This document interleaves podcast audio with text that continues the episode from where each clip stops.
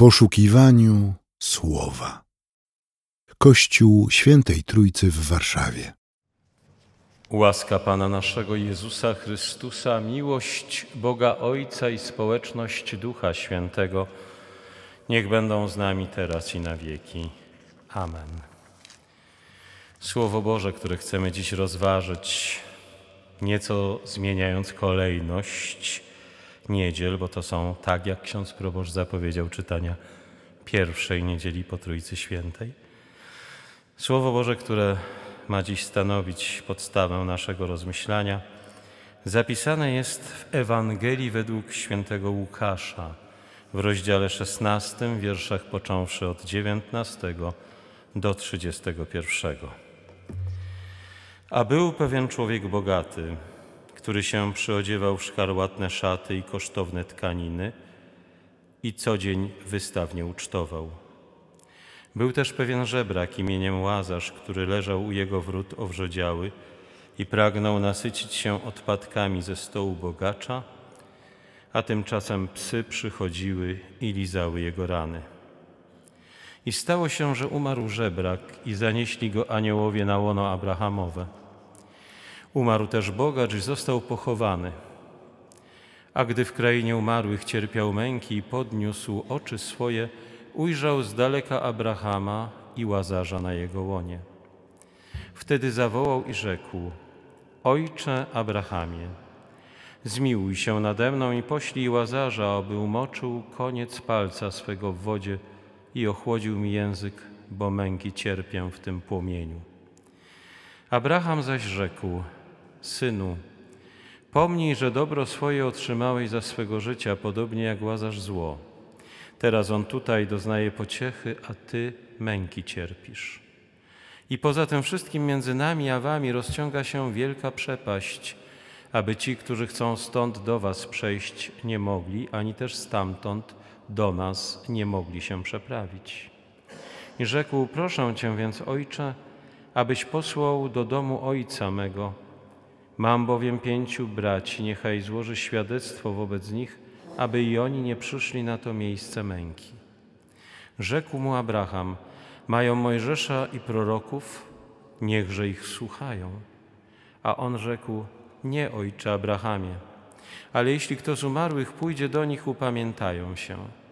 I odrzekł mu: Jeśli Mojżesza i proroków nie słuchają, to choćby kto z umarłych powstał, też nie uwierzą. Ducha miłości wylej na nas, Panie, byśmy serdecznie wzajem się kochali i Twej miłości pełniąc przykazanie statecznie aż do końca w niej wytrwali.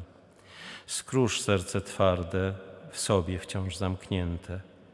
Niechaj dla bliźnich stanie się wylane, niech Twej miłości duchem wskroś przejęte będzie zupełnie szczęściu ich oddane. Gdy Duch Twój, święty ogień swej miłości ku wszystkim bliźnim silnie w nas roznieci, na ten czas nowy żywot w nas zagości. Amen.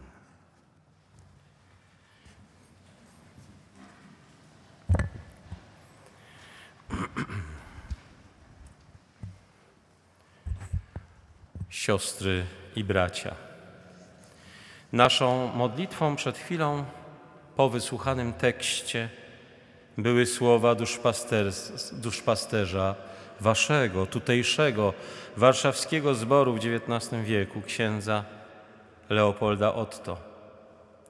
I one stają się ciągle aktualnym wołaniem o moc prawdziwej miłości chrześcijańskiej, która dostrzega, dostrzega człowieka z jego troskami i problemami która nie pozwala przejść obok człowieka obojętnie.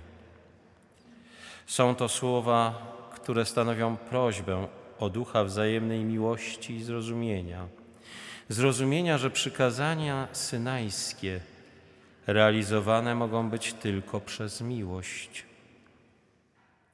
Ten imperatyw wiary nie zawsze jest realizowany, bowiem czasem coś przesłania Boga. Czasem coś przesłania Jego wezwanie do wzajemnej miłości.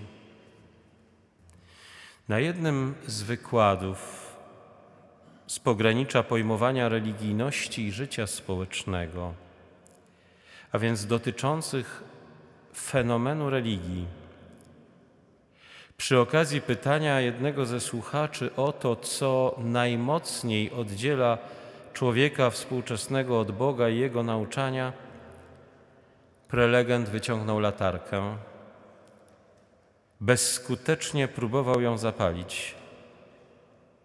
Po paru próbach rozkręcił latarkę i wyjął z pomiędzy włącznika a bateriami kawałek papieru. Kiedy go rozwinął, okazał się być banknotem jednodolarowym. Pieniądze, dobra doczesne, bogactwo. To wszystko może stać się swego rodzaju warstwą izolacyjną, odgradzającą od Boga, powiedział po owym pokazie. Bogactwo może przysłaniać Boga i odgradzać od miłości z Nim może zatykać uszy na naukę słów pańskich. I to jakby sens opowieści o Łazarzu i bogaczu z kart Łukaszowej Ewangelii. Bogacenie się nie jest samo w sobie złe i nie ono jest piętnowane, jak też i posiadanie dóbr, ale dzisiejsza narracja Jezusa wskazuje na to, że może to doprowadzić do zapominania o Bogu i zapominania o drugim człowieku. Bogacz w swym życiu jakby nie dostrzegł momentu krytycznego, jakby nie zrozumiał, że przekroczył granicę, poza którą już nie potrzebował bliskości Stwórcy i Pana nie dostrzegał człowieka obok siebie. Zapomniał o przykazaniu miłości jako streszczeniu i dopełnieniu dekalogu. A zapominając o człowieku, nie, nie dostrzegając drugiego, nie widząc jego trosk i potrzeb, tak naprawdę zapomniał o Bogu. Tak dzieje się często w realiach życia na Ziemi. Spójrzmy troszeczkę refleksyjnie i na siebie.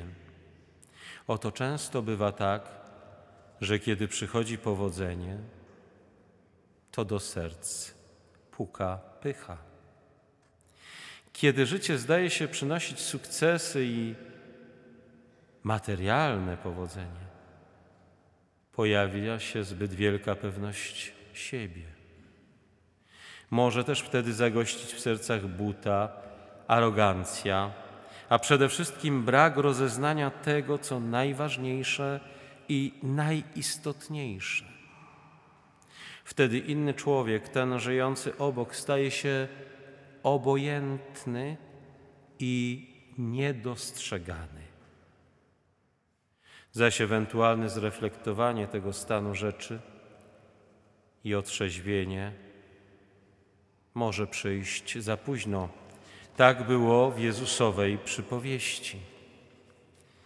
Podstawową lekcją perykopy kazalnej zeszłotygodniowej pierwszej niedzieli po Trójcy Świętej zdaje się być pouczenie Chrystusa Pana o konieczności dostrzegania drugiego człowieka w jego kłopotach, o konieczności okazywania wsparcia, o konieczności okazywania pomocy. Prawdziwie chrześcijańskie wyznawanie Boga realizuje się w imperatywie miłości. Pouczenie z pierwszego listu Jana, tak pięknie przeczytane dzisiaj, jest potwierdzeniem takiego rozumienia chrześcijańskiej wiary. Całość ewangelickiej etyki odpowiedzialności także należy ugruntowywać na miłości, w której realizuje się wiara w ukrzyżowanego i zmartwychwstałego Jezusa Chrystusa. On to wszak, będąc świadectwem miłości Bożej, woła o miłość do drugiego człowieka. To podstawowy przekaz. To podstawowy przekaz do zinterpretowania w tej perykopie kazalnej, chociaż jest tam jeszcze coś niezwykle intrygującego, a mianowicie łączy się z tym przekazem bardzo prowokująca myśl, szczególnie dla biblistów i egzegetów, a mianowicie dotykająca przepaści między dwoma światami oraz niemożnością przedostania się z jednego do drugiego. Ale dziś tę myśl troszkę zostawmy, bowiem raczej z tą podstawową myślą fragmentu Łukaszowej Ewangelii łączy się mocno lekcja dotycząca znaczenia i mocy Słowa Bożego, co z kolei wyartykułowane było w przekazie starotestamentowego czytania z księgi proroka Jeremiasza. Słowo Pańskie bowiem kształtuje człowieka. To ono jest nauką o bliskości Boga, kochającego swe stworzenie. Ale też to Słowo Pańskie jest wskazaniem, jak żyć i pouczeniem podkreślającym, co najważniejsze i priorytetowe. Bliskość Boga, której tak pragnie każdy człowiek.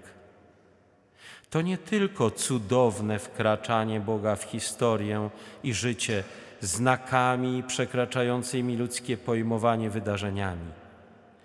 Bliskość ta realizuje się i dopełnia właśnie przez lekturę Pisma Świętego. Lektura ta zaś to odczytywanie prawdy o Bogu, który jest przede wszystkim miłością. Ale też będąc miłością stawia przed człowiekiem zadanie, proste i trudne zarazem, miłości bliźniego. Słowo Pańskie winno samo przemawiać, bez dodatkowych, niewytłumaczalnych cudów i objawień, które jakoby miały dopiero doprowadzić do zmiany postrzegania świata i życia. Bóg przychodzi w swym słowie, w przekazie proroków i zakonu. Tak to wyraźnie usłyszał bogacz, kiedy woła do Abrahama. Do nas przychodzi jeszcze w Ewangelii.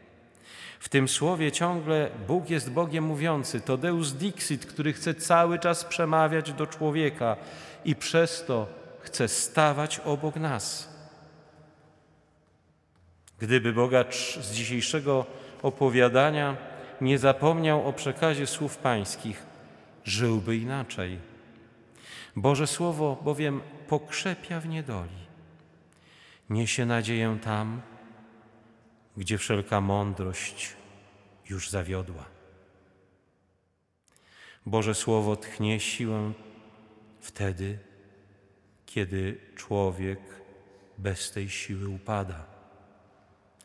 Ono wzmacnia, kiedy nie wiemy, co począć, ale jednocześnie jest ciągłym wezwaniem do przeżycia Bożej miłości jako wezwania silnego i stałego do okazywania miłości w naszych realiach, w naszym tu i teraz, w naszych kontaktach z drugim człowiekiem, zarówno tym znanym, bliskim nam, jak i tym nieznanym, spotkanym, a potrzebującym. Słowo Pana pragnie porywać nas do wielkiego czynu wzajemnej miłości, często przez bardzo małe gesty i to tak zwane małe, uczynione dobro. Tak jak Słowo Pana jest tym porywem dla nowo wprowadzonej rady parafialnej, powołaniem. Tak też słowo Pana chce być porywem, wezwaniem, powołaniem, nakazem dla każdego z nas. Drodzy mamy proroków i Mojżesza, możemy usłyszeć, a więcej, nadto mamy Ewangelię. I co? zagonieni, zajęci tyloma ważnymi dla nas sprawami, tyloma rzeczami związanymi z naszą egzystencją. Zapominamy o wczytaniu się w Boże Słowo. Zajęci swym życiem, swym często tak mocno partykularnie rozumianym dobrem, karierą, pracą, albo czasami językiem religijnym mówiąc tym, co zwie się doczesnością. Zamykamy w tym biegu życia swe uszy na słowo, słowo Pana, które uczy o Bożej miłości. Słowo, które też silne jak ogień i młot, słyszeliśmy u Jeremiasza. Wzywa nas ciągle do gotowości pomocy, do wsparcia, do dobrego słowa, gestu, uśmiechu, kilku miłych słów. Wzywa do wzajemnej miłości. Drodzy, czy w naszym życiu nasze, cudzysłowie latarki miłości, zawsze świecą? Może czasem nie zapalają się, bo coś tworzy warstwę izolacyjną i blokuje naszą możliwość zapalania światła dobra. Czy czasem słowo nie dociera do nas, bo, bo nie mamy czasu na modlitwę i wczytanie się w Jego Boże Słowo? Czy czasem nie jest tak, że Biblia nie przemawia i nie woła, bo jest tylko reprezentacyjną pozycją w naszej bibliotece? Czy czasem przez to nie dostrzegamy więc łazarzy naszych czasów, tych będących obok nas? Może jest tak, dlatego że pragniemy spokoju i wygody i wtedy nie słyszymy wołania Pańskiego, który przez to wszystko, przez taką czy inną izolacyjną warstwę zdaje się być zbyt daleko. Może tylko tyle i aż tyle. Dzisiejszy fragment ewangelijnego poselstwa chce być pytaniem, jakimi jesteśmy a też przy głębszej refleksji dotyczącej nas, tego naszego stanu rzeczy, jeszcze pytaniem: co z tym zrobimy? I wołaniem: oby nie było za późno. Amen. Przyjmijmy życzenie pokoju. A pokój Boży, który przewyższa wszelki rozum, ten niech strzeże serc i myśli naszych w Panu i Zbawicielu naszym, Jezusie Chrystusie. Amen. Więcej materiałów na www.trójcawaw.pl